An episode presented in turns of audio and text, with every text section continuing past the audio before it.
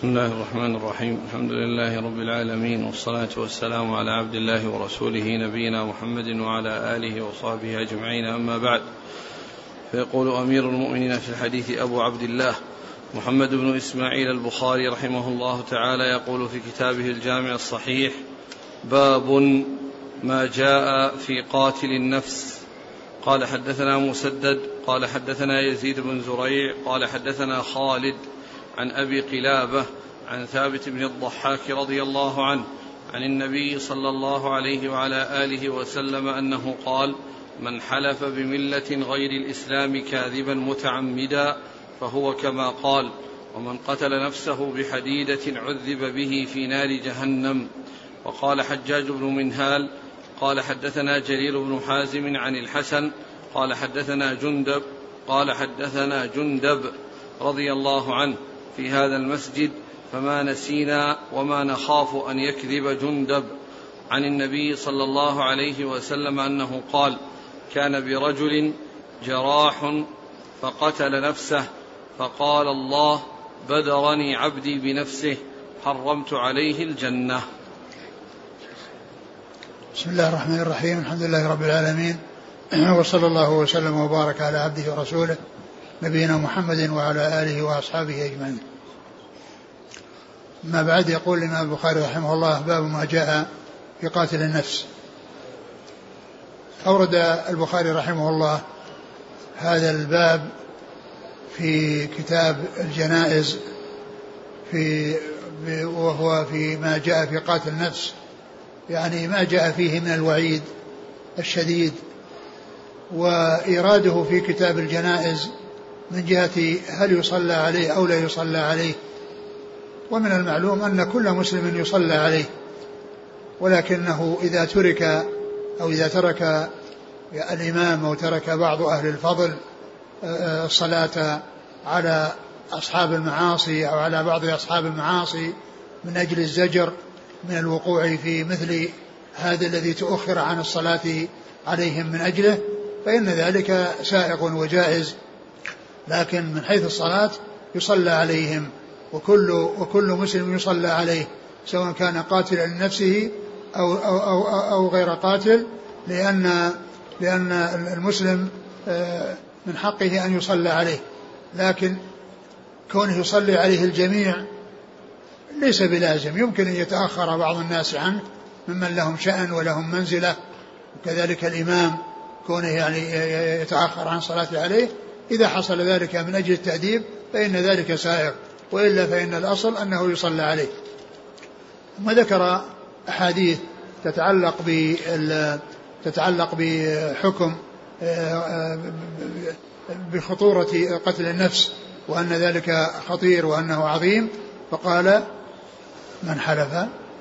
من حلف بملة غير الإسلام كاذبا متعمدا فهو كما قال.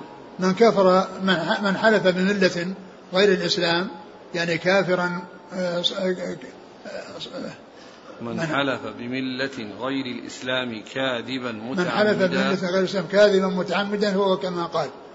يعني أنه إذا إذا حلف بقال أنه يهودي أو أنه نصراني أو أنه كذا ف وكان عامدا يعني وكان كاذبا متعمدا فإنه كما قال يعني أنه يكون بهذا الوصف. لكن لا يكون كافرا لا يكون كافرا بمجرد ذلك إلا إذا كان مستحلا أو كان آه، جمع بين قلبه ولسانه وأنه آه، يعني أراد الكفر وأراد الدخول في تلك الملة أو أنه من أهل تلك الملة فإنه يكون بذلك آه، كافرا. أما إذا قال ذلك وليس ولم يحصل في قلبه يعني هذا المعنى ولم يحصل الاستحلال لمثل هذا الأمر فإنه يكون ليس بكافر وإنما يكون مسلما عاصيا مرتكبا لكبيرة من كبائر الذنوب. بعدين ومن قتل؟ ومن قتل نفسه بحديدة عذب به في نار جهنم. ومن قتل نفسه بحديدة عذب بهذه الحديدة بنار جهنم يعني أنه يعذب بالشيء الذي الذي حصل منه الجناية على نفسه به و والجزاء من جنس العمل. فكما أن عمله أنه قتل نفسه بحديدة فإنه يعذب بالحديدة. يعذب بهذه الحديدة في نار جهنم. وهو دال على خطورة يعني هذا الأمر وأنه من الكبائر وأن صاحبه مستحق مستحق للعذاب. ولكن ولكن من كان كل من كان مسلما وهو من الكبائر تحت مشيئة الله. إن شاء أن يعذبه عذبه وإن شاء أن يتجاوز عنه تجاوز عنه. وإذا عذبه فإنه لا يخلده في النار أبد الآباد وإنما لا بد أن يخرج منها ويدخل الجنة ولا يبقى في النار أبد الآباد إلا الكفار الذين هم أهلها ولا سبيل لهم إلى الخروج منها. نعم. وقال حجاج بن منهال حديث جندب قال كان برجل جراح قتل نفسه فقال الله بدرني عبدي بنفسه حرمت عليه الجنة.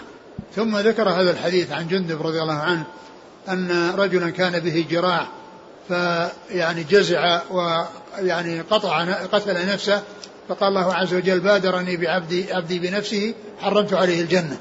بادرني عبدي بنفسه يعني بكونه آه، قتل نفسه وأزهق نفسه فحرمت عليه الجنة. يعني أن هذا العذاب أن هذا العذاب يستحق صاحبه النار وأن الله عز وجل حرم عليه الجنة.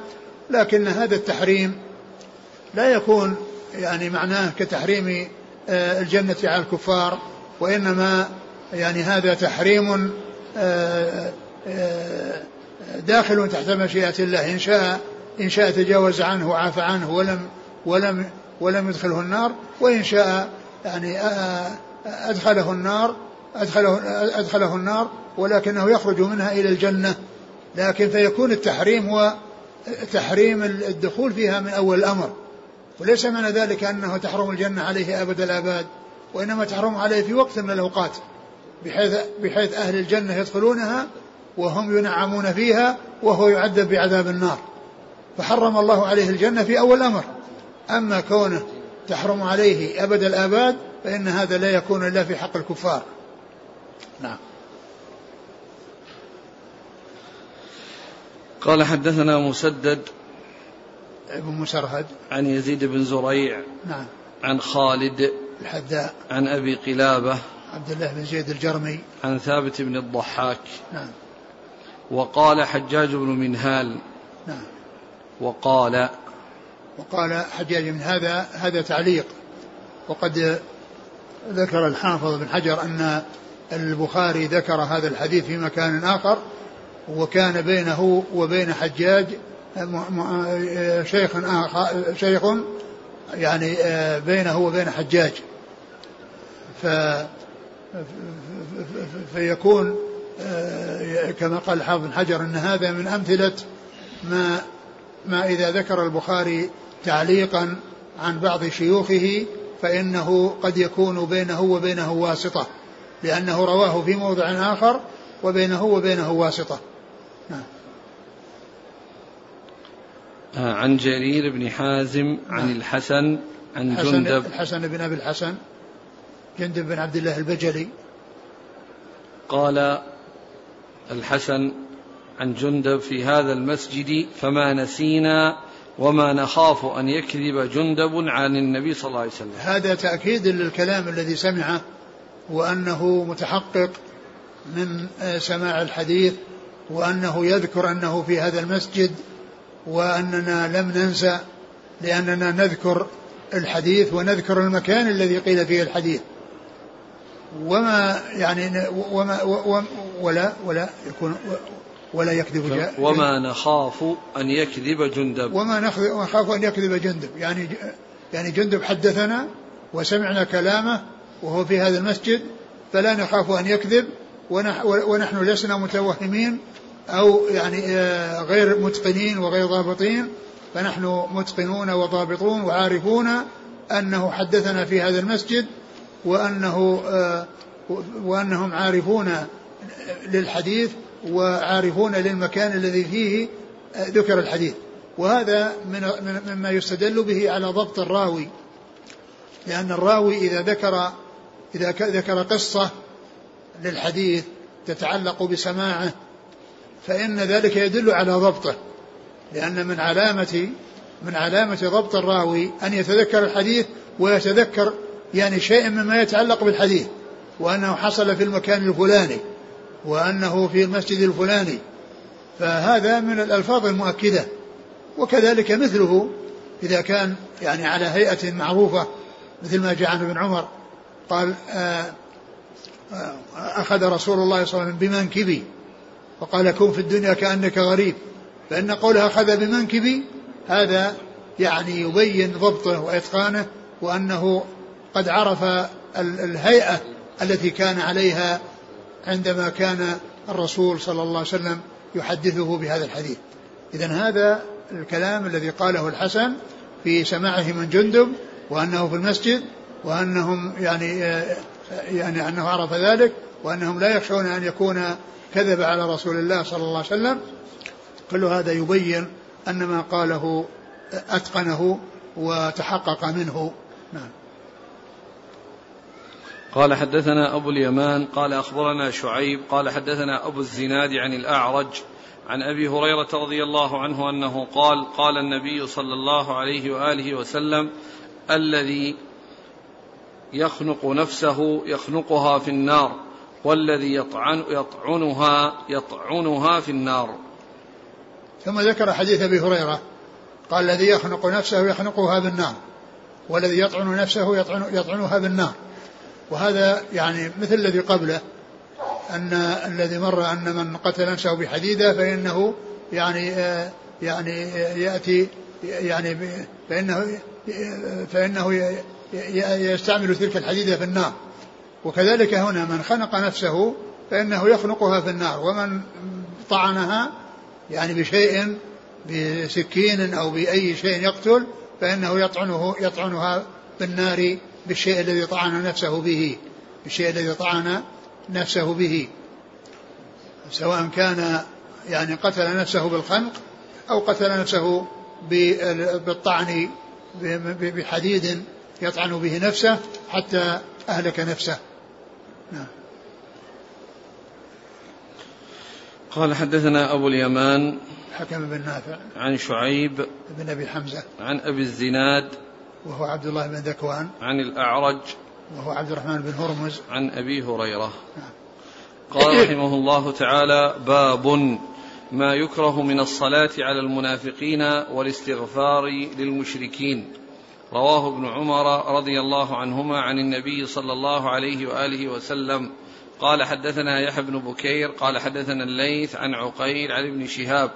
عن عبيد الله بن عبد الله بن عبا عن عبيد الله بن عبد الله عن ابن عباس عن عمر بن الخطاب رضي الله عنهم أنه قال لما مات عبد الله بن أبي بن سلول دعي له رسول الله صلى الله عليه وآله وسلم ليصلي عليه فلما قام رسول الله صلى الله عليه وسلم وثبت إليه فقلت يا رسول الله أتصلي على ابن أبي؟ وقد قال يوم كذا وكذا كذا وكذا أعدد عليه قوله أعدد عليه قوله فتبسم رسول الله صلى الله عليه وسلم وقال أخر عني يا عمر. فلما أكثرت عليه قال إني خيرت فاخترت لو أعلم أني إن زدت على السبعين فغفر له لزدت عليها. قال فصلى عليه رسول الله صلى الله عليه وسلم ثم انصرف فلم يمكث إلا يسيرا حتى نزلت الآيتان من براءة. ولا تصل على أحد منهم مات أبدا إلى وهم فاسقون. قال فعجبت بعد من جرأتي على رسول الله صلى الله عليه وآله وسلم يومئذ والله ورسوله أعلم. قال قال في الآخر؟ قال فعجبت نعم. بعد من جرأتي على رسول باب الله باب ما يكره؟ ما يكره من الصلاة على المنافقين والاستغفار للمشركين. باب ما يكره من الصلاة على المنافقين والاستغفار للمشركين. يعني ذكر يعني هذه الترجمة وذكر تحتها الحديث المتعلق بعبد الله بن سلول وقد سبق الحديث وفيه أن أن أن ابنه وهو عبد الله بن أبي عبد الله بن عبد الله بن أبي بن أبي أبي وكان من خيار الصحابة وأفاضل الصحابة طلب من النبي صلى الله عليه وسلم أن يصلي أن يصلي على أبيه وأن وأن يعطيه قميصه الذي يلي جسده ليلبسه إياه.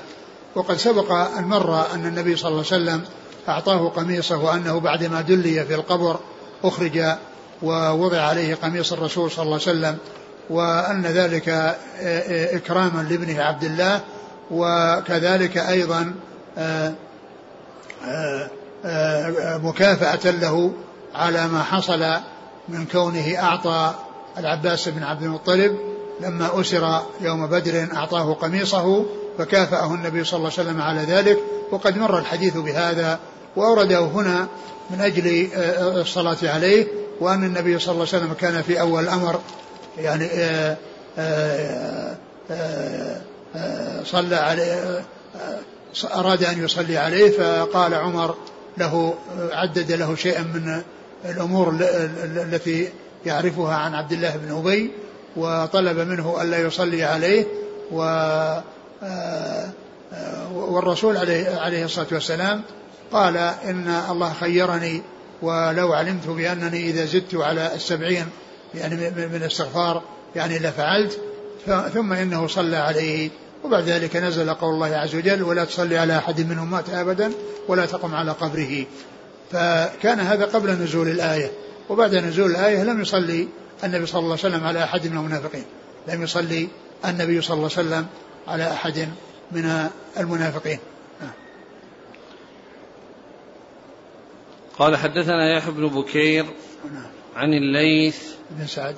عن عقيل عقيل بن, بن خالد بن عقيل. عن ابن شهاب نعم. عن عبيد الله بن عبد الله. وهو بن عتبة بن مسعود أحد فقهاء المدينة السبعة في عصر التابعين. عن ابن عباس نعم. عن عمر بن الخطاب. نعم. من اللي يروي عن عبيد الله؟ ابن شهاب. نعم هذا في رواية تابعي عن تابعي وصحابي عن صحابي. رواية تابعي صغير وهو ابن شهاب عن تابعي هو عبيد الله بن عبد الله بن عتبة بن مسعود أحد فقهاء المدينة السبعة في عصر التابعين. وكذلك رواية ابن عباس عن عمر ففيه رواية تابعي عن تابعي وصحابي عن صحابي.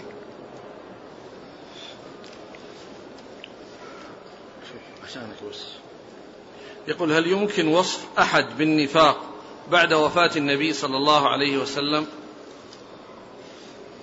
ما الرسول صلى الله عليه وسلم كان أطلعه الله عز وجل ويعني عرف المنافقين وقد أطلع حذيفة على يعني على يعني على أحد منهم.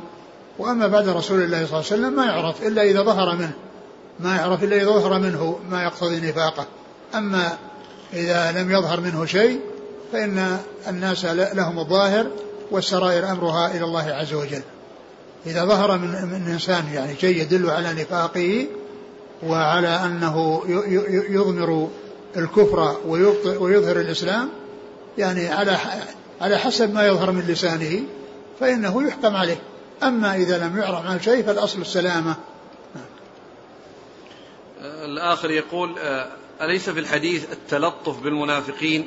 مع أن الأولى هو بغضهم في الله والإغلاظ عليهم. البغض البغض آه، يبغضون. لكن لكن الرسول عليه الصلاة والسلام كان يعني لا يعاملهم بالمعاملة التي يعني يستحقونها لأن لأنه آه، حتى لا يتحدث الناس أن محمد يقتل أصحابه كما جاء ذلك عن رسول الله صلى الله عليه وسلم. والمنافقون يجب بغضهم. بل يعني آه، هم أولى من يبغض وذلك لشدة ضررهم لأنهم عدو مداخل بخلاف العدو المباعد الذي هو الكافر الأصلي الذي الناس يحذرونه. هذا يعني محسوب على المسلمين ومندس بين المسلمين فخطره أعظم وضرره أشد. فالبغض يبغضون ولا يجوز يعني أن يقع في قلب أحد منهم يعني حب لهم وهو يعلم يعني ما هم عليه من, من, من, من الباطل. قال رحمه الله تعالى باب ثناء الناس على الميت. قال حدثنا آدم قال حدثنا شعبة قال حدثنا عبد العزيز بن صهيب قال سمعت أنس بن مالك رضي الله عنه يقول مروا بجنازة فأثنوا عليها خيرا. فقال النبي صلى الله عليه وآله وسلم وجبت. ثم مروا بأخرى فأثنوا عليها شرا فقال وجبت. فقال عمر بن الخطاب رضي الله عنه ما وجبت؟ قال هذا أثنيتم عليه خيرا فوجبت له الجنة وهذا أثنيتم عليه شرا فوجبت له النار. أنتم شهداء الله في الأرض. ثم قال باب الثناء على الميت. ثناء الناس على الميت. باب ثناء الناس على الميت. الميت انتهى وخرج من الدنيا وانتقل إلى الدار الآخرة فالثناء عليه بما هو معلوم عنه هو ثناء في محله هو ثناء في محله. وكذلك يعني آه، آه، آه، سواء كان الثناء عليه بالخير أو بالشر. يعني و وأما الحي فإن الثناء عليه قد يؤدي به إلى الغرور وإلى الزهو وإلى أنه يعني يحصل منه أمور يعني آه، آه، أمور عظيمة لكونه أثني عليه فيؤدي به ذلك إلى الإعجاب بالنفس وإلى حصول الضرر عليه ولهذا لا يحرص. على الثناء على الأحياء إلا في أمور يعني يحتاج إليها وفي ما لا بد منه وإلا فإن لا سيما إذا كان آه، يرجى منه هذا الثناء يرجى منه زيادة في الخير ويرجى فيه يعني استمرارا على ما هو عليه من الخير.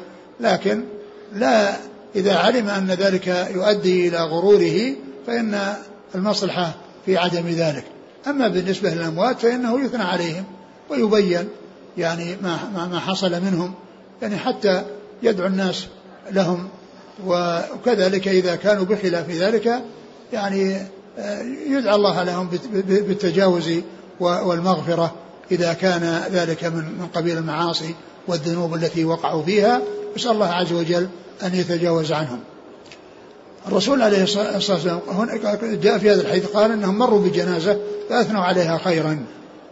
فأثنوا عليها يعني ثناء ثناء خير أثنوا عليها بخير. فقال النبي صلى الله عليه وسلم وجبت. ثم مر بأخرى فأثنوا عليها شرا فقال وجبت. قالوا فقيل له في ذلك قال هذه أثنيتم عليها خيرا فوجبت له الجنة وهذه أثنيتم عليها شرا فوجبت له النار. أنتم شهداء الله في الأرض. من المعلوم أن الذي حصل في زمن الرسول صلى الله عليه وسلم وقال فيه وجبت هذا الأمر فيه واضح لأن الرسول صلى الله عليه وسلم أخبر عن وجوب الجنة لمن أثنوا عليه خيرا ووجوب النار لمن أثنوا عليه شرا. أما آه، أما ثناء غيره أو ثناء الناس في آه، يعني في أي وقت وفي كل حين فإنه لا يقال بأن الجنة متحققة له وإنما يرجى له. من أثنى عليه خيرا يرجى له. لا يقال إنه من أهل الجنة وإنما يرجى له أن يكون أهل الجنة. ولا يشهد بالجنة إلا لمن شهد له الرسول صلى الله عليه وسلم. ولا يشهد بالنار إلا لمن شهد له الرسول صلى الله عليه وسلم. فهذا يشهد له بالجنة وهذا يشهد له بالنار. أما آه، ثناء الناس أو آه، مدح الناس أو ذم الناس فإنه لا يترتب عليه أن يكون ذلك مطابقا للواقع لأن لأنه ورد في حصل في زمن النبي صلى الله عليه وسلم شيء من الثناء للناس ومع ذلك كان الأمر بخلافه كما جاء في قصة الرجل الذي كان في غزوة من الغزوات مع الرسول عليه الصلاة والسلام. وكان الصحابة أثنوا عليه وقالوا إنه أبلى بلاء عظيما وأبلى بلاء حسنا يعني في في في يعني في في جهاده للكفار فأثنوا عليه. وقالوا هنيئا له. فقال عليه السلام هو في النار. قال هو في النار. فأحد الصحابة قال أنا آتيكم بخبره فجعل يتابعه حتى إنه حصل أن جرح في يديه فجزع فوضع السيف يعني حده على على صدره وأصله في الأرض وتحامل عليه فقتل نفسه. فقتل نفسه. فجاء وأخبر النبي صلى الله عليه وسلم بذلك فقال عليه الصلاة والسلام آه إن الله يؤيد هذا الدين بالرجل الفاجر. إن الله يؤيد هذا الدين بالرجل الفاجر.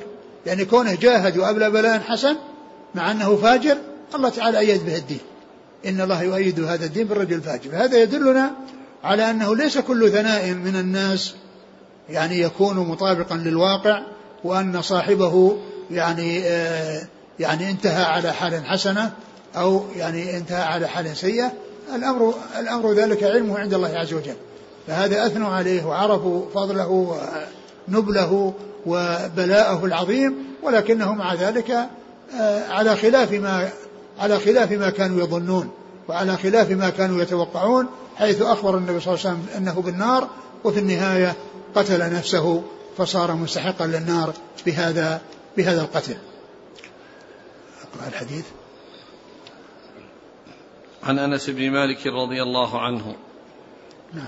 قال مروا بجنازة فأثنوا عليها خيرا فقال صلى الله عليه وسلم وجبت. ثم مروا بأخرى فأثنوا عليها شرا فقال صلى الله عليه وسلم وجبت. قال عمر ما وجبت. قال هذا أثنيتم عليه خيرا فوجبت له الجنة وهذا أثنيتم عليه شرا فوجبت له النار. أنتم شهداء الله في الأرض. نعم. ثم جاء في بعض الأحاديث يعني في آه، مسند الإمام أحمد وغيره أنه قال توشكون توشكون أن تعلموا أهل الجنة من أهل النار. قالوا وبما قال بالثناء الحسن والثناء السيء. توشكون. ومعلوم أن كلمة توشكون هذه ليست آه، يعني مماثلة للقول بوجبت توشكون يعني قريب أو تقربون أن تعرفوا أهل الجنة يعني أن أن علمكم بتمييز بين الجنة والنار أن هذا قريب وأن هذا قريب أن يحصل لكنه لا يدل على أن كل من أثنوا عليه فإنه من الجنة وكل من أثنوا عليه شرا فإنه يكون من أهل النار نعم. قال حدثنا آدم ابن أبي إياس عن شعبة ابن الحجاج عن عبد العزيز بن صهيب نعم. عن أنس بن مالك نعم. قال حدثنا عفان بن مسلم قال حدثنا داود بن أبي الفرات عن عبد الله بن بريدة عن أبي الأسود أنه قال قدمت المدينة وقد وقع بها مرض فجلست إلى عمر بن الخطاب رضي الله عنه فمرت بهم جنازة فأثني على صاحبها خيرا فقال عمر رضي الله عنه وجبت.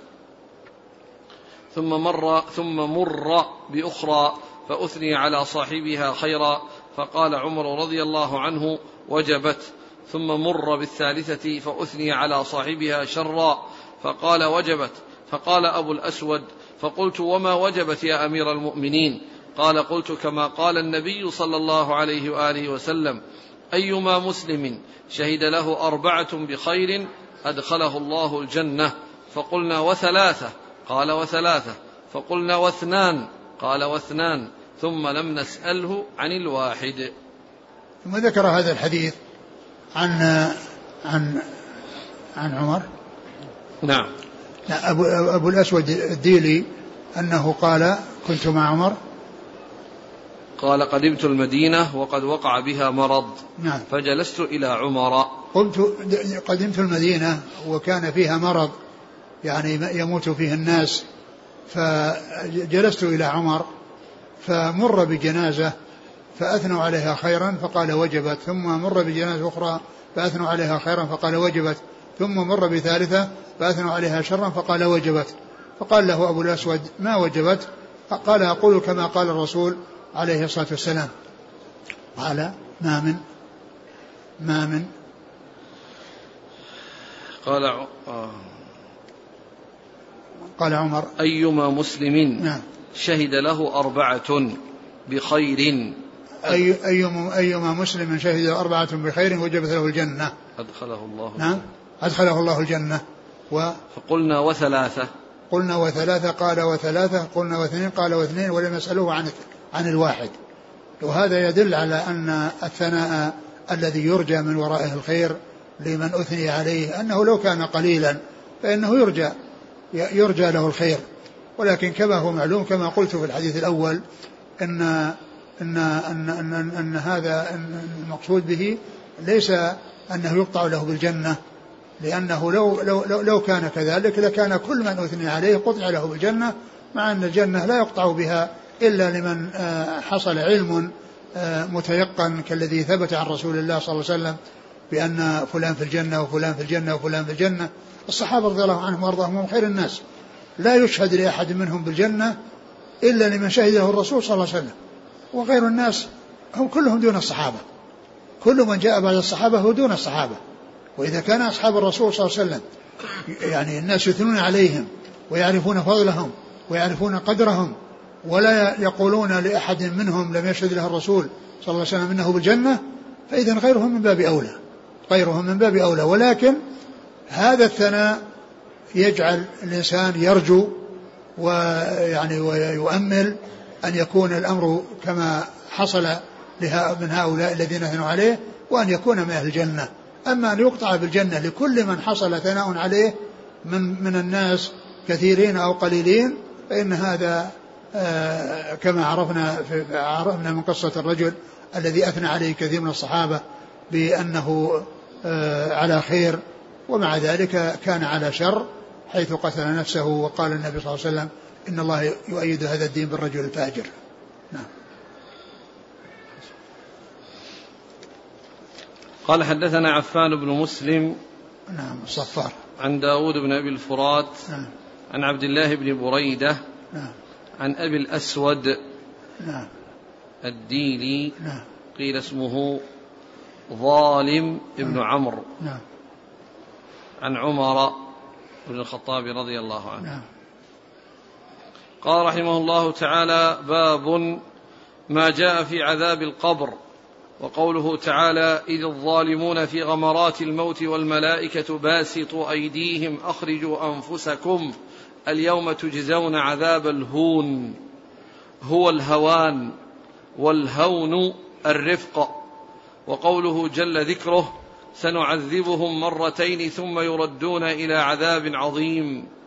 وقوله تعالى وحاق بآل فرعون سوء العذاب. النار يعرضون عليها غدوا وعشيا ويوم تقوم الساعة أدخلوا آل فرعون أشد العذاب. قال حدثنا حفص بن عمر قال حدثنا شعبة عن علقمة بن مرثد عن سعد بن عبيدة عن البراء بن عازب رضي الله عنهما عن النبي صلى الله عليه وآله وسلم أنه قال إذا أقعد المؤمن في قبره أتي ثم شهد أن لا إله إلا الله وأن محمدا رسول الله فذلك قوله يثبت الله الذين آمنوا بالقول الثابت. ثم ذكر باب باب ما جاء في عذاب القبر. عذاب القبر آه، تواترت به الأحاديث عن رسول الله صلى الله عليه وسلم وجاء في القرآن ما يدل عليه فهو حق وثابت وأهل القبور منهم من ينعم ومنهم من يعذب والعذاب إنما هو بعذاب النار والنعيم إنما هو بنعيم الجنة. فإن أهل النعيم ينعمون في قبورهم من نعيم الجنة والمعذب وأهل العذاب يعذبون في قبورهم من عذاب النار. يصل إليهم نعيم الجنة وهم في قبورهم ويصل إليهم عذاب النار وهم في قبورهم وبعد البعث والنشور ينتقل المنعمون إلى إلى إلى إلى ما هو أعظم من في حيث يدخلون الجنة ويحصلون فيها ما لا أعين رأت ولا أذن سمعت ولا خطر على قلب بشر. ومن كان كافرا ومن أهل العذاب فإنه يعذب في قبره وعندما يبعث فإنه ينتقل من عذاب شديد إلى عذاب أشد كما قال الله عز وجل عن آل فرعون النار يعرضون عليها غدوا وعشيا ويوم تقوم الساعة أدخلوا آل فرعون أشد العذاب. النار يعرضون عليها غدوا وعشيا في قبورهم ويوم تقوم الساعة يعني يحصل بعث النشور فإنهم ينتقلون من عذاب شديد وصل إليهم من عذاب النار ينتقلون إلى عذاب النار التي جاءهم العذاب منها وهم في قبورهم ينتقلون إلى عذاب أشد حيث يدخلون النار ويعذبون فيها. ذكر البخاري رحمه الله يعني عدة آيات يعني آه، استدل بها على عذاب القبر الآية الأولى. إذ الظالمون في غمرات الموت والملائكة باسطوا أيديهم. أخرجوا أنفسكم اليوم تجزون عذاب الهون. آه، ويوم ويوم يعرض إذ الظالمون إذ الظالمون في غمرات الموت والملائكة باسطوا أيديهم أخرجوا أنفسكم اليوم تجزون عذاب الهون. أولها ولو ترى ها؟ أولها. ولو ترى ولو ترى إذ الظالمون ولو ترى إذ الظالمون في غمرات الموت والملائكة باسطوا أيديهم أخرجوا أنفسكم اليوم تجزون عذاب الهون. هذه الآية تدل على عذاب القبر لأن لأن قولها اليوم تجزون عذاب الهون يعني عندما خرجت أرواحهم وصاروا إلى قبورهم فإنهم يعذبون في في في قبورهم بالعذاب الذي هو الذي هو يعني الهون الذي الذي هو الهوان والذي فيه ذلالهم وإهانتهم وهوانهم. ولو ترى إذ الظالمون في غمرات الموت والملائكة, والملائكة باسطوا أيديهم أخرجوا أنفسكم اليوم تجزون عذاب الهون. فهذا يدل على عذاب القبر. لأن قولها اليوم تجزون لأنهم عندما خرجت أرواحهم فإنهم صاروا في عذاب. لأنهم صاروا في عذاب سواء سواء وصلوا إلى القبور أو لم يصلوا إليها. لأن من يستحق العذاب عذاب القبر يعذب. سواء قبر أو لم يقبر يقبر. لأن ولكنه ذكر عذاب القبر لأن الغالب أن الناس يقبرون. وليس كل يقبر من الناس من من يعني تأكله السباع ومنهم من تأكله الحيتان ومنهم من يحترق ومنهم من كذا وكل مستحق للعذاب فإنه يعذب دفن أو لم يدفن قبر أو لم يقبر. لكن ذكر القبور وعذاب القبر إنما هو لأن الغالب أن الناس أنهم يدفنون وأنهم يكونون في قبور. وإلا فإن مستحق العذاب يعذب. والناس لا يشاهدون العذاب ولا يشاهدون النعيم. المنعم منعم والناس لا يرون نعيمه والمعذب معذب والناس لا يرون نعيمه وهذا من من الغيب الذي آه، أخفاه الله عز وجل عن الناس ولم يطلعهم عليه. نعم والآية الثانية. سنعذبهم مرتين ثم يردون إلى عذاب عظيم. سنعذبهم مرتين. يعني مرة في الدنيا ما يحصل لهم من العذاب والنكال ومرة في القبر ثم يردون إلى عذاب أشد وعذاب أعظم حيث يخرجون من من القبر في عذاب إلى عذاب أشد منه عذاب النار مثل ما جاء في أهل فرعون. النار يعرضون عليها غدوة وعشية ويوم تقوم الساعة أدخلوا آل فرعون أشد العذاب. فإذا العذاب الذي يحصل يعني في الدنيا قبل الموت وعند الموت ومن من الشدة التي تكون عند خروج روح الكافر وكذلك ما يحصل له في القبر من العذاب فإنهم يعذبون مرتين عذاب في الدنيا يعني وعذاب في الآخرة وعذاب في الآخرة الذي هو في البرزخ ثم العذاب الأشد الذي يكون في النار والذي يستمرون فيه إلى غير النهاية. وقال وحاق بآل فرعون سوء العذاب النار يعرضون عليها غدوا وعشيا ويوم تقوم الساعة أدخلوا آل فرعون أشد العذاب. فعرض النار عرضهم على النار بكرة غدوا وعشيا هذا في القبور. وأما إذا إذا آه، خرج الناس من قبورهم فإنهم ينتقلون إلى عذاب أشد كما قال ويوم تقوم الساعة أي تقوم الساعة التي يخرجون بها من القبور وليس أمامهم إلى النار فإنهم يعذبون فيها عذاب أشد. من العذاب الذي حصل في القبور لأنهم انتقلوا إلى إلى النار التي وصل إليهم عذابها وهم في قبورهم. فالنار التي وصلوا إليها وقد وصل إليهم شيء في قبورهم من قبورهم منها يعني ذاك الذي انتقلوا إليه أشد من الذي حصل لهم في قبورهم. لأن ذاك شيء وصلهم من عذاب النار وأما هذا فإنهم وقعوا في النار وعذبوا في النار.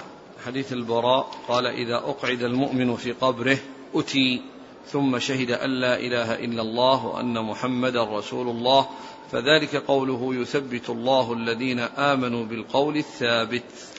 ثم ذكر حديث البراء بن عازب رضي الله عنه وهو مختصر. ذكره هنا مختصرا وأن الإنسان إذا وضع في قبره أقعد وأنه يسأل في قبره وإذا كان موفقا أجاب بالجواب السديد وإذا كان بخلاف ذلك أجاب بخلاف ذلك وقال إن هذا هو معنى قوله يثبت الله الذين آمنوا والقول الثابت في الحياة الدنيا. يعني معنى ذلك أن أن الناس يمتحنون في قبورهم ويسألون ومنهم من يثبت بالقول الثابت بالحياة الدنيا فيشهد أن محمد رسول الله.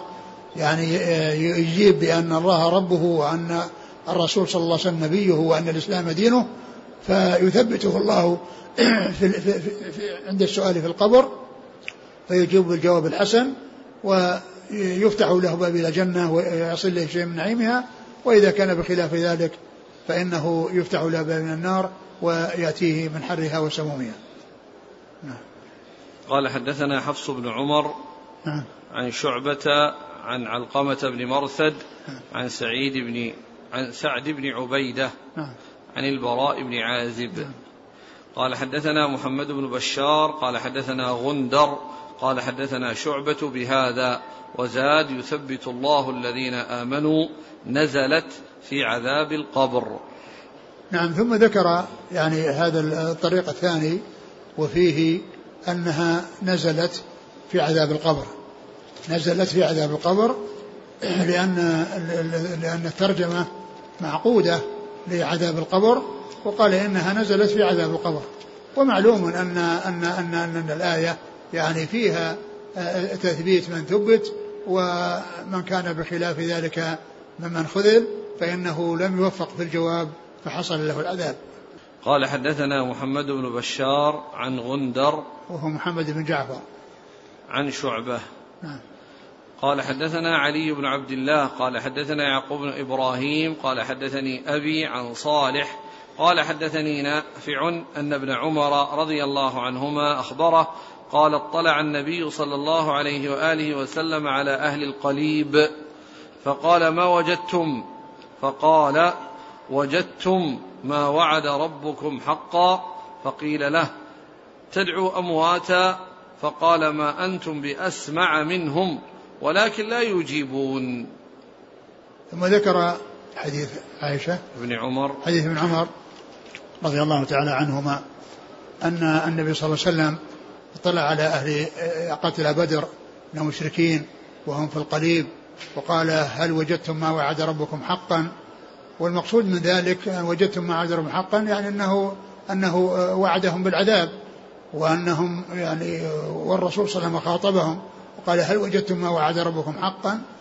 وذكر في عذاب القبر من أجل أن أن أنهم وعدوا بالعذاب والرسول صلى الله عليه وسلم يسألهم يعني هذا السؤال الذي هو تبكيت ويعني هل وجدتم ما وعد ربكم حقا؟ يعني أن قيل كيف تخاطب ناس؟ يعني لا يسمعون؟ قال قال إنهم يسمعون ولكن قال ما أنتم بأسمع منهم. قال ما أنتم بأسمع منهم. ولكن لا يجيبون. نعم. ما أنتم بأسمع منهم ولكن لا يجيبون. يعني يسمعون ولكنهم لا يجيبون. فأنتم تسمعون هذا الكلام الذي يخاطبهم به وقال إنهم إنكم لستم بأسمع منهم. يعني إنهم يسمعون. وهذا يعني لا يقال في أن كل من خوطب في قبره أنه يسمع. وإنما هذا من رسول الله صلى الله عليه وسلم لهؤلاء الذين آذوا المسلمين آذاء شديدا وقد أهلكهم الله عز وجل وخاطبهم بهذا الخطاب للتبكيت والتقريع وأنهم لقوا الشيء الذي كانوا وعدوا به آه، لكونهم يؤذون المسلمين ويصدون عن سبيل الله عز وجل. فمحل إراده من جهة أن أن الرسول قال ما وعدكم ربكم حقا والذي وعدوا به هو هو العذاب. الذي وعدوا به هو العذاب. و وهم يسمعون كما أخبر بذلك رسول الله صلى الله عليه وسلم. لكن لا يقال إن أن الميت عندما يخاطب وعندما يحصل شيء عند قبره أنه يسمع. الأصل هو عدم السماع حتى يأتي شيء يدل عليه. وهذا مستثنى. وهذا مستثنى.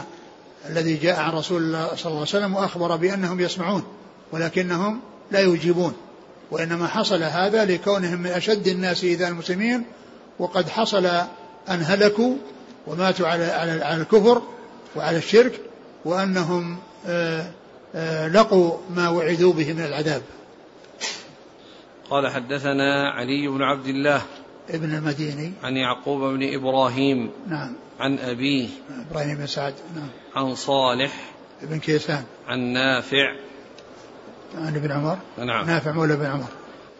قال حدثنا عبد الله بن محمد قال حدثنا سفيان عن هشام بن عروة عن أبيه عن عائشة رضي الله عنها أنها قالت إنما قال النبي صلى الله عليه وآله وسلم إنهم ليعلمون الآن أن ما كنت أقول حق.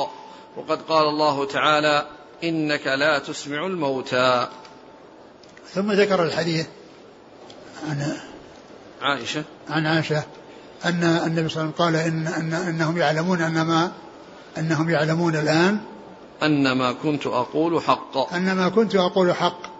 يعني ما كان يقوله لهم من من من الدعوة الإسلام وأنهم إذا دخلوا أنهم يفلحون ويحصلون السعادة ويحصلون الجنة. كما كان النبي صلى الله عليه وسلم يقول لهم يا أيها الناس قولوا لا إله إلا الله تفلحوا.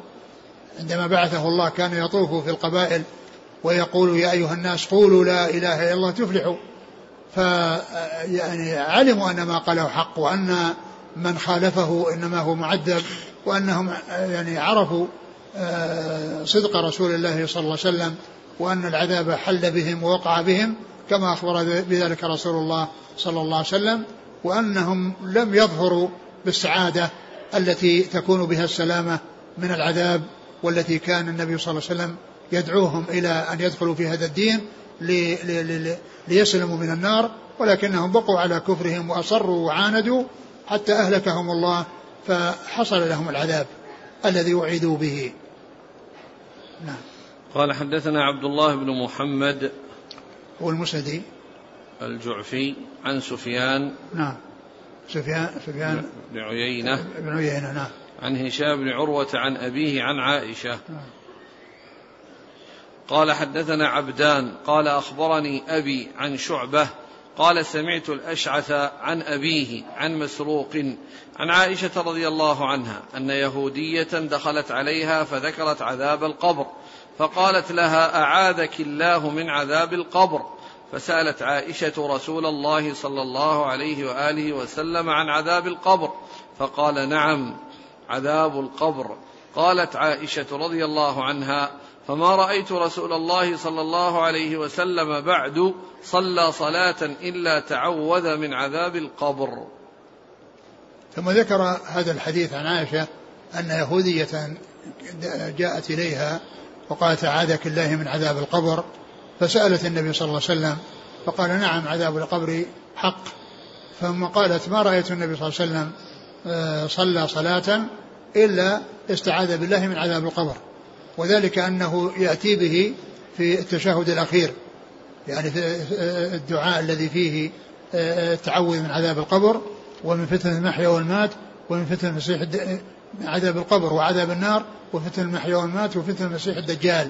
هذه كان النبي صلى الله عليه وسلم يتعوذ بها في آخر صلاته في التشهد وهذا فيه بيان أن عذاب القبر حق وأن عائشة رضي الله عنها ما كانت تعلم هذا الحكم وأن وأن اليهودية هذه التي كانت تقول عادك إلى على القبر عرفت هذا في دينهم عرفت هذا من دينهم ومن شريعتهم والرسول عليه الصلاة والسلام أخبر عائشة بأن عذاب القبر حق وأن وأن الناس إذا خرجوا من, من الدنيا فإنهم ينتقلون من الدار الدنيا إلى الدار الآخرة وأول منازل الآخرة القبر ويعذبون فيه ويعذب فيه من هو من أهل العذاب وينعم فيه من أهل النعيم كما جاءت بذلك الأحاديث المتعددة الثابتة عن رسول الله صلى الله عليه وسلم. نعم. قال حدثنا عبدان وعبد الله بن عثمان المروزي. عن أبيه وعثمان بن جبلة. عن شعبة عن الأشعث. الأشعث بن أبي الشعثة وهو وهو سليم. ابن الأسود نعم. المحاربي. سليم يعني الذي هو والد أشعث وأبو الشعثاء وهو سليم. وسليم آه، التسمية فيه يعني متكررة ومتعددة. وأما سليم بالفتح فإن التسمية فيه قليلة. ولهذا في التقريب عندما ذكر سليم وسليم ذكر من يسمى سليم عشرة أشخاص. عشرة أشخاص كل منهم يقال سليم وأما سليم فلم يذكر إلا شخصا واحدا هو سليم بن حيان. رجال الكتب الستة رجال الكتب الستة فيهم عشرة يقال لهم سليم وواحد يقال له سليم. عن مسروق بن الأجدع. عن عائشة. قال حدثنا يحيى بن سليمان قال حدثنا ابن وهب قال أخبرني يونس عن ابن شهاب قال أخبرني عروة بن الزبير أنه سمع أسماء بنت أبي بكر رضي الله عنهما تقول قام رسول الله صلى الله عليه وآله وسلم خطيبا فذكر فتنة القبر التي يفتتن فيها المرء فلما ذكر ذلك ضج المسلمون ضجة زاد غندر عذاب القبر. ثم ذكر يعني هذا الحديث عن أسماء بنت أبي بكر. عن أسماء بنت أبي بكر رضي الله عنها أن النبي صلى الله عليه وسلم قام خطيبا. فذكر فتنة القبر فذكر التي فذكر فتنة القبر التي يفتتن فيها المرء. فذكر فتنة القبر التي يفتتن فيها المرء فضجوا. فضجوا. فلما ذكر ذلك ضج المسلمون ضجة. فلما ذكر ذلك ضج ضج المسلمون ضجة يعني حصل منهم يعني ظهور يعني أصوات يعني خوف يعني آه، بسبب هذا هذا الذي حكاه النبي صلى الله عليه وسلم من فتنة القبر وما يفتن به الإنسان في قبره. وقال يعني بعد ذلك عذاب القبر. وعذاب القبر فيه فتنة وفيه عذاب. فالفتنة هي الاختبار والامتحان والتقريع والتبكيت الذي يكون من الملائكة. و- والعذاب هو ما يصل اليهم من عذاب النار. فإن الناس يفتنون في قبورهم ويمتحنون. ومنهم من يوفق في الجواب ومنهم من يكون بخلاف ذلك ثم بعد ذلك يكون على ضوء ذلك النعيم والعذاب. فمن كان موفقا في الجواب حصل له النعيم ومن كان بخلاف ذلك حصل له العذاب. نعم. ولكن كل هذه من الأدلة الدالة على عذاب القبر وهي أدلة كثيرة ومتواترة عن رسول الله صلى الله عليه وسلم وقد ذكر البخاري هنا جملة منها. نعم. قال حدثنا يحيى بن سليمان عن ابن وهب عبد الله بن وهب. عن يونس عن ابن شهاب يونس بن يزيد الأيلي. نعم. عن عروة بن الزبير عن أسماء بنت أبي بكر. نعم. قال حدثنا عياش بن الوليد قال حدثنا عبد الأعلى قال حدثنا سعيد عن قتادة عن أنس بن مالك رضي الله عنه أنه حدثهم أن رسول الله صلى الله عليه وآله وسلم قال إن العبد إذا وضع في قبره وتولى عنه أصحابه وإنه ليسمع قرع نعالهم. أتاه ملكان فيقعدانه فيقولان ما كنت تقول في هذا الرجل لمحمد صلى الله عليه وآله وسلم؟ فأما المؤمن فيقول أشهد أنه عبد الله ورسوله. فيقال له انظر إلى مقعدك من النار قد أبدلك الله به مقعدا من الجنة فيراهما جميعا. قال قتادة وذكر لنا أنه يفسح في قبره ثم رجع إلى حديث أنس قال وأما المنافق والكافر فيقال له ما كنت تقول في هذا الرجل؟ فيقول لا أدري كنت أقول ما يقول الناس. فيقال لا دريت ولا تليت. ويضرب بمطراق من حديد ضربة فيصيح صيحة يسمعها من يليه غير الثقلين. ثم ذكر بعد ذلك هذا الحديث عن أنس رضي الله عنه أن أنه قال قال رسول الله إن العبد إذا وضع في قبره وتولى عنه أصحابه إنه ليسمع قرع نعالهم. يقول عليه الصلاة والسلام إن العبد إذا وضع في قبره وتولى عنه أصحابه أنه يسمع قرع نعالهم. والحديث سبق أن مر أورده آه، البخاري رحمه الله في آه، في باب يعني آه، سماع الميت قرع النعال و- وأورده هنا من أجل آه، إثبات عذاب القبر. من أورده هنا من أجل إثبات عذاب القبر وأن عذاب القبر حق وأورده فيما مضى من أجل استدلال به على أن الميت يسمع, قرع النيال وهذا من الأشياء التي تثبت في سماع الأموات فيما يحصل من الأحياء فهذا مما ثبت وهو كونه يسمع قرع النيال وأيضا الذي مر بنا قريبا آه، وهو كون الرسول صلى الله عليه وسلم يخاطب أهل القليب وأنهم يقول أنكم لستم. لستم بأسمع منهم أنهم يسمعون أكثر مما تسمعون فهذا من من السماع سماع الأموات الذي آه، يثبت لكونه جاءت به السنة عن رسول الله صلى الله عليه وسلم. أما الشيء الذي لم تأتي به السنة فلا يثبت شيء يعني من سماع الأموات إلا آه، في حدود ما ورد وهذا مما ورد الذي هو سماع قرع النعال وسماع هؤلاء الذين خاطبهم النبي صلى الله عليه وسلم وأنهم سمعوا كلامه وكان ذلك تقريعا لهم وتبكيتا لهم على ما حصل منهم من شدة الإيذاء المسلمين قال إنه يسمع قرع نعالهم. وقد مر هذا في درس مضى. فإيش؟ أتاه ملكان فيقعدانه فيقولان ما كنت تقول في هذا الرجل؟ يأتيه, يأتيه, يأتيه ملكان وقد جاء في بعض الأحاديث أن اسمه حديث منكر والثاني النكير. فيسألان وهذا هو الامتحان الذي يكون في القبر. فيسأل ماذا كنت تقول في هذا الرجل؟ يعني رسول الله صلى الله عليه وسلم. فيقول آمنا به. فيقول فأما المؤمن فيقول أشهد أنه عبد الله ورسوله. أما المسلم فيقول أشهد أنه عبد الله ورسوله. أشهد بأنه عبد الله ورسوله أرسله الله بالهدى وأنه آه، شهد له واتبعه. نعم. فيقال له انظر إلى مقعدك من النار قد أبدلك الله به مقعدا من الجنة فيراهما جميعا. فيقال انظر إلى مقعدك من النار قد أبدلك الله به مقعدا من الجنة فيراهما جميعا يرى المقعدين. يعني معناه أنه تعرض عليه الجنة وتعرض عليه النار ويرى مقعده فيها لو كان يعني لو, لو, لو, لو لم يحصل له الهداية وأنه وذلك ليزداد فرحا وسرورا لأنه رأى العذاب الذي سلمه الله منه ورأى النعيم الذي أمامه الذي أكرمه الله تعالى به فيزداد بذلك فرحه وسروره لكونه رأى العذاب ورأى أنه لو كان لم يحصل منه الاهتداء أنه سيكون في هذا المكان فيزداد فرحه وسروره. نعم. قال قتادة وذكر لنا أنه يفسح في قبره ثم رجع إلى حديث أنس. وأما الكافر؟ قال وأما المنافق والكافر فيقال له ما كنت تقول في هذا الرجل؟ فيقول لا أدري كنت أقول ما وأما, وأما المنافق والكافر المنافق الذي هو كافر ولكنه يظهر الإسلام ويبطن الكفر والكافر الأصلي الذي ما عنده إلا إظهار الكفر. فكل منهما من أهل النار وقد أخبر الله عز وجل أن المنافقين في الدرك الأسفل من النار. أن المنافقين في الدرك الأسفل من النار. فهم أشد من الكفار لأن خطرهم أخطر من الكفار المعاندين المناوئين المباينين لأنهم مندسين لأنهم مدسون بين بين أهل الإسلام وهم أخطر عليهم من الكفار المباينين. ولهذا كانوا أشد من الكفار كانوا أشد من الكفار في عذاب النار. وأما, وأما المنافق والكافر فيقول لا أدري.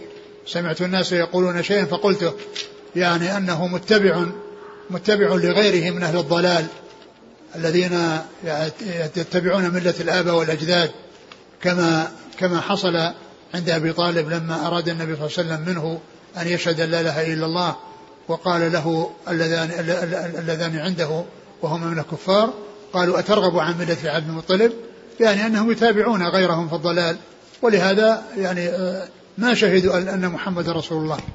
ما شهدوا أن محمد رسول الله. وأما الكافر؟ والمنافق؟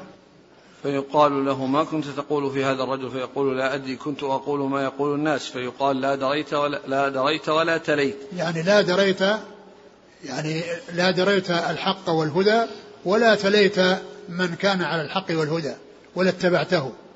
لم لم تدري ولم تتبع من يدري. قال فيضرب ويضرب بمطارق من حديد. ضربة فيصيح صيحة يسمعها من يليه غير الثقلين. قال ويطلق بمطارق من حديد ضربة يصرخ منها ويصيح يسمعه كل أحد حتى إلا الثقلين. يسمعه يسمعه. يسمع فيسمعها من يليه غير الثقلين. يسمعها من يليه يعني آه، آه، يعني من حوله. يعني سواء من من من, من يعني من من الملائكة أو من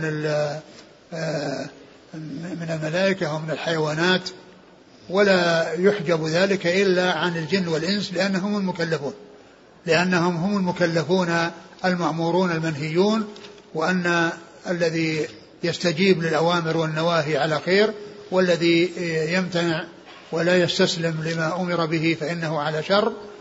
فذلك أن أمور الآخرة شاء الله تعالى أن تكون غيبا فلم يطلع عليها آه، يعني البشر والجن والإنس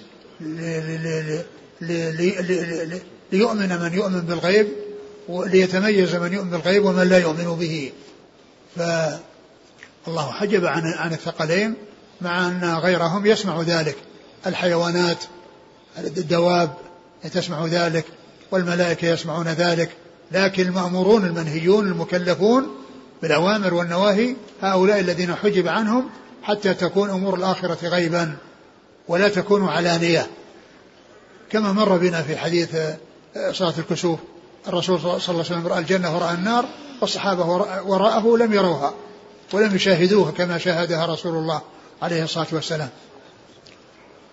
ف آه، آه، فكل يسمع إلا الثقلين الجن والإنس الذين هم مكلفون فإنهم يعني لا يسمعون. ولهذا جاء النبي صلى الله عليه وسلم في الحديث الذي رواه مسلم في صحيحه قال لولا أن لا تدافنوا لدعوت الله يسمعكم من عذاب القبر ما أسمع. لولا أن لا تدافنوا لدعوت الله لدعوت الله أن يسمعكم من عذاب القبر ما أسمع. نعم. قال حدثنا عياش بن الوليد. نعم. عن عبد الأعلى. ابن عبد الأعلى. عن سعيد عن قتادة. سعيد بن أبي عروبة. عن قتادة من دعامة. عن أنس بن مالك. نعم. انتهى الباب. نعم. والله تعالى أعلم وصلى الله وسلم وبارك على عبده ورسوله نبينا محمد وعلى آله وأصحابه أجمعين. جزاكم الله خيرا وبارك الله فيكم. ألهمكم الله الصواب ووفقكم للحق. شفاكم الله وعافاكم ونفعنا الله ما سمعنا غفر الله لنا ولكم وللمسلمين أجمعين. آمين. يقول السائل هل لكل إنسان مقعدان؟ مقعد من النار ومقعد من الجنة أم أن ذلك خاص بالمسلمين فقط؟ لا كل منهم حتى الكفار. يعني يرى المقعد يعني أقول جاء يعني المسلمين والكفار. يعني هذا يزداد يعني يزداد المسلم يزداد يعني فرح وسرور وهذا يزداد حسرة. يقول مر معنا الحديث أثنوا عليها شرا. أليس الثناء يكون في المدح والفضائل؟ إلا يعني يكون في, في, يعني في المدح والفضائل ولكنه جاء يعني آه، آه، إضافته إلى الشر كما أن الثواب يعني جاء فيما يتعلق بالخير وجاء يعني أيضا ما يتعلق بالشر الثواب هل ثوب الكفار وما كانوا يفعلون. يقول هل يصح الشهادة بالجنة لشيخ الإسلام وللأئمة الأربعة لثناء الناس عليهم واستفاضة أمرهم بالخير؟ القطع بأنهم بالجنة لا يقطع لأحد بالجنة بل بل قبلهم يعني جماعة كثير من الصحابة لا لا يقطع لهم بالجنة. وهم, وهم خير من من غيرهم خير من جاء بعدهم. كثيرون من الصحابة من أهل الفضل وأهل الشرف ما ما ما يشهد لأحد إلا من شهد, شهد من شهده الرسول صلى الله عليه وسلم بالجنة. من لم يشهده الرسول لا يشهد بالجنة والصحابة هم أولى الناس بذلك. يعني فكل من حصل منه خير يرجى له ويؤمل له ويدعى له ويثنى عليه لكن القطع والجزم لا يكون لأحد إلا لمن شهد له الرسول صلى الله عليه وسلم بالجنة أو شهد له بالنار.